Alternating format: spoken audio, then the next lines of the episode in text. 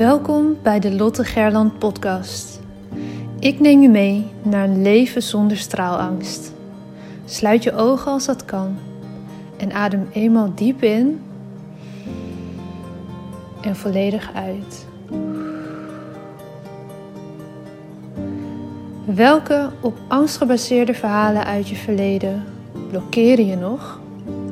Hoe houdt het je tegen om in je next level zelf te stappen? In je power en in het dienen van anderen als mens, als ondernemer, als werknemer, vader, moeder, partner? Aan welke angsten mag jij voorbij gaan? Je bent nu op een plek waar je goed genoeg bent, waar je gezien en gehoord wordt. Een safe space zonder oordeel. Je staat voor je dromen, je doelen en je leeft je mooiste leven. Je bent op een plek waar de warme zon op je huid straalt, waar je de wijsheid door je lichaam voelt stromen. Je glimlacht en bent gelukkig. Eyes wide open. Je bent wakker en hebt zin in elke nieuwe dag. Je leeft. Nu, in dit moment. Jij hebt een verhaal te vertellen.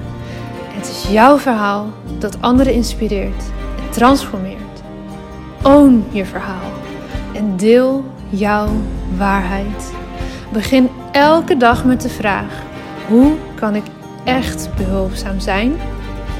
Jij hebt een gift te delen met de wereld. Straal elke dag iets meer.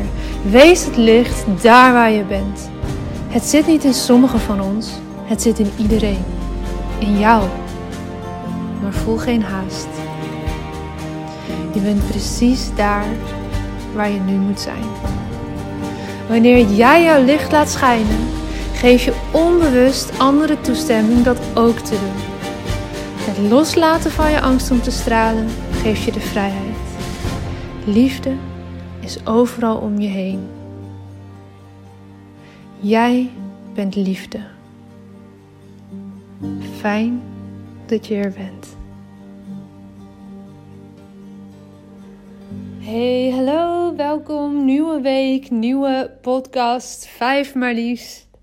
Vandaag begin ik met een denk ik, kort maar krachtiger. Ik weet niet, misschien uh, dat hij, ja, weet ik nooit van tevoren hoe lang ik aan het kletsen ben. Maar in principe is datgene wat ik aan jullie wil doorgeven vrij kort en vrij krachtig. Het is namelijk een tip die ik vanmorgen met iemand deelde om um, structuur aan te brengen in bijvoorbeeld het hosten van een room. QA in Clubhouse, de nieuwe app-sensatie. Die, uh, nou, waarschijnlijk heb je er ondertussen wel van gehoord, die een soort van live podcasting is, maar die dus dan ook ruimte biedt om bijvoorbeeld een QA te doen. Dus zoals ik nu alleen maar zend, kan, kunnen mensen dan ook erbij inkomen, bij het gesprek inkomen en bijvoorbeeld een vraag stellen of een toevoeging geven op datgene wat je vertelt. Nou, superleuk. Op dit moment is het alleen nog maar beschikbaar voor uh, iPhone en andere Apple devices, maar ik vermoed dat dat uiteindelijk ook wel voor andere devices beschikbaar zal komen.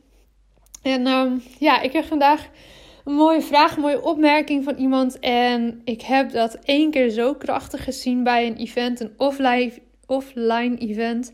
Dat ik dacht, ja, dat werkt gewoon ook heel goed online, denk ik. Als je veel vragen krijgt. En zeker als je veel vragen krijgt met veel verhaal, met veel tekst en uitleg van mensen. Ik was, wanneer zou het geweest zijn? Nou, misschien inmiddels wel bijna twee jaar geleden. Bij een event van Sarayda Groenhart. Misschien ken je haar wel. Zij is heel lang um, presentatrice geweest bij BNN. En runt nu haar eigen bedrijf. En zit ook heel erg in de hoek van storytelling. Maar dan vooral gefocust op video. En zij gaf een event. Daar mocht ik bij aanwezig zijn.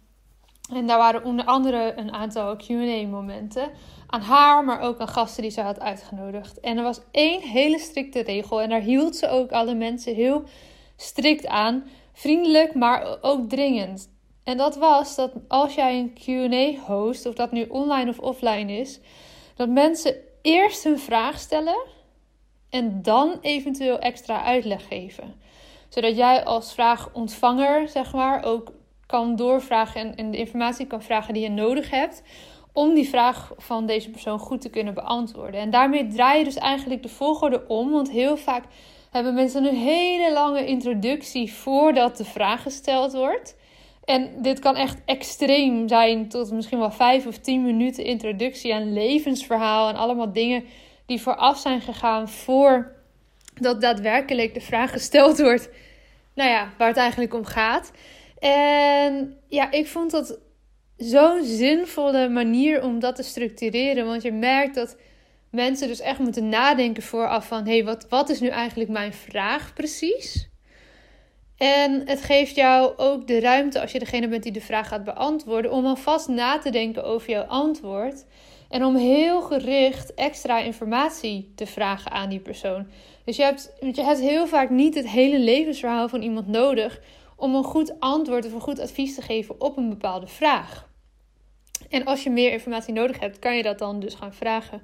Dus wat Sarayda heel duidelijk deed, was elke keer als iemand toch begon met een te lange introductie, vriendelijk maar wel resoluut afkappen, wil je eerst je vraag stellen en dan eventueel meer informatie geven. Dus daardoor werden mensen echt gedwongen om goed na te denken over wat heb ik een vraag, wat is mijn vraag en wat is relevant om vervolgens aan extra informatie te geven. Want dan kun je dus iemand ook heel makkelijk stoppen als je merkt van hé, hey, ik heb nu genoeg informatie of deze persoon dwaalt af.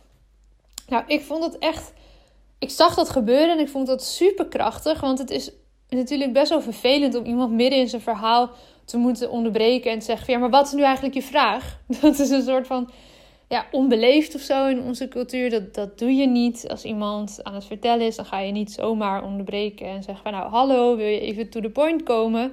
En mensen zijn nu eenmaal vervent storytellers zonder dat ze het zelf doorhebben. Mensen vertellen heel graag een verhaal, worden dan even gehoord, worden dan even gezien.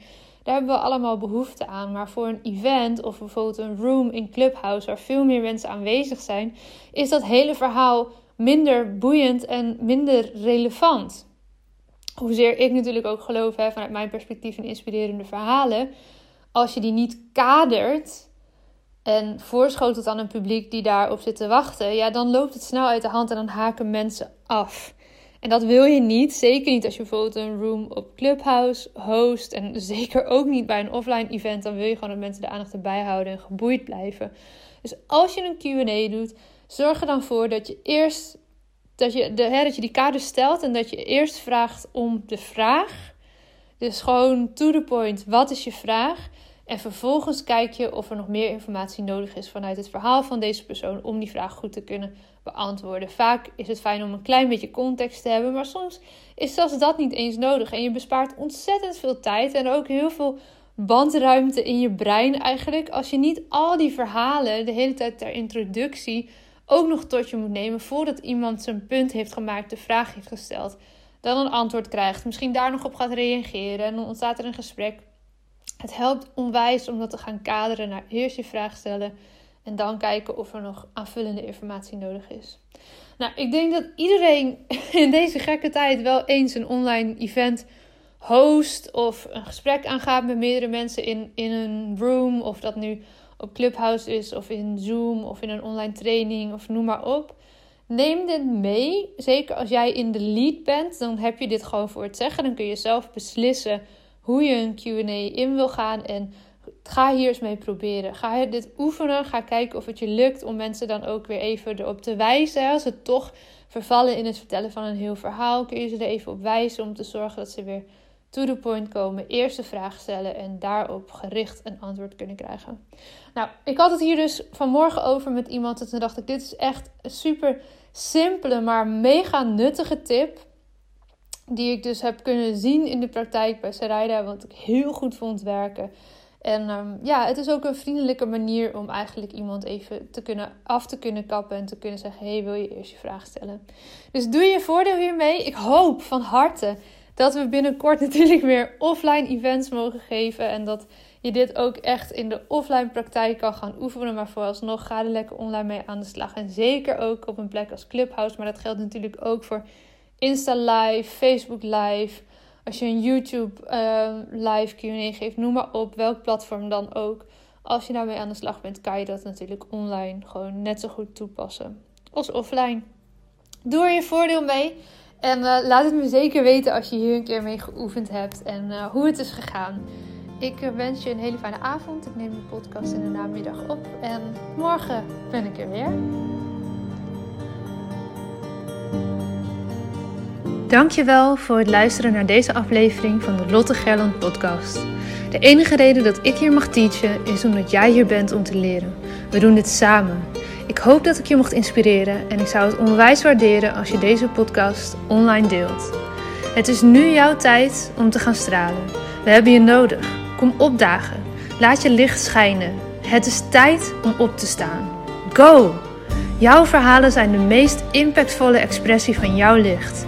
Daar waar jij doorheen bent gegaan, was precies dat wat nodig is om te zijn waar je nu staat. Vaak denken we dat we al veel verder moesten zijn in het proces, maar je hebt te leren van waar je nu bent. Dim je licht niet. Het is een grote verantwoordelijkheid die je draagt om jouw wijsheid door te geven. Straal daar waar je bent. Liefde is overal om je heen. Jij bent liefde.